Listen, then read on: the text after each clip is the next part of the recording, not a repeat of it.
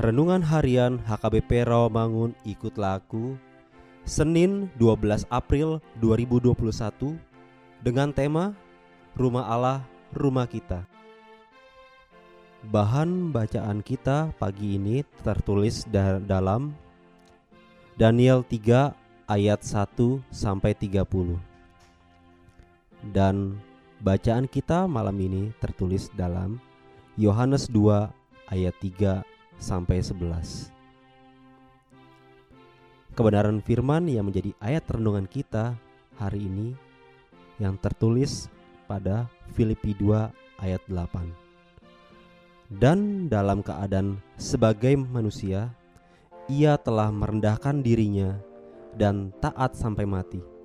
Bahkan sampai mati di kayu salib.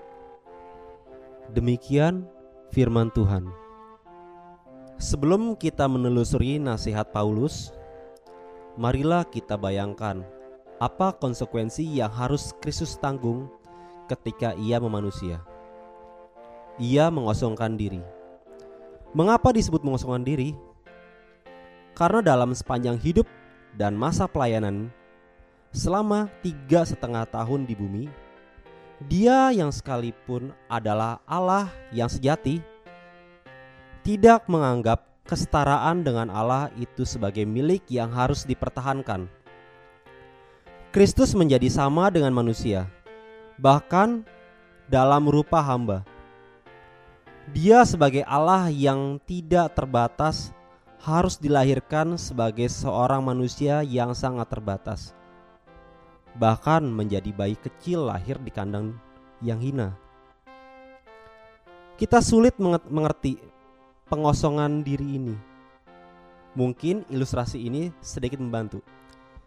Ketika seorang dewasa berusaha berkomunikasi dengan anak kecil, ia harus mengosongkan diri, berbicara dalam bahasa mereka, meninggalkan segala kemuliaan dan kebesaran diri sebagai seorang yang di atas. Dialah pencipta yang masuk ke dunia dan membatasi diri dengan menjadi manusia ciptaan. Bahkan bukan hanya mengosongkan diri. Ia melangkah lebih rendah menjadi hamba dan mati menanggung penderitaan dan aib tak terperi. Inilah cara Allah membawa manusia masuk ke dalam kepenuhannya melalui penyangkalan dan pengorbanannya agar orang mendapatkan berkat dan anugerah Tuhan. Semangat dan prinsip sama berlaku pula bagi warga gereja.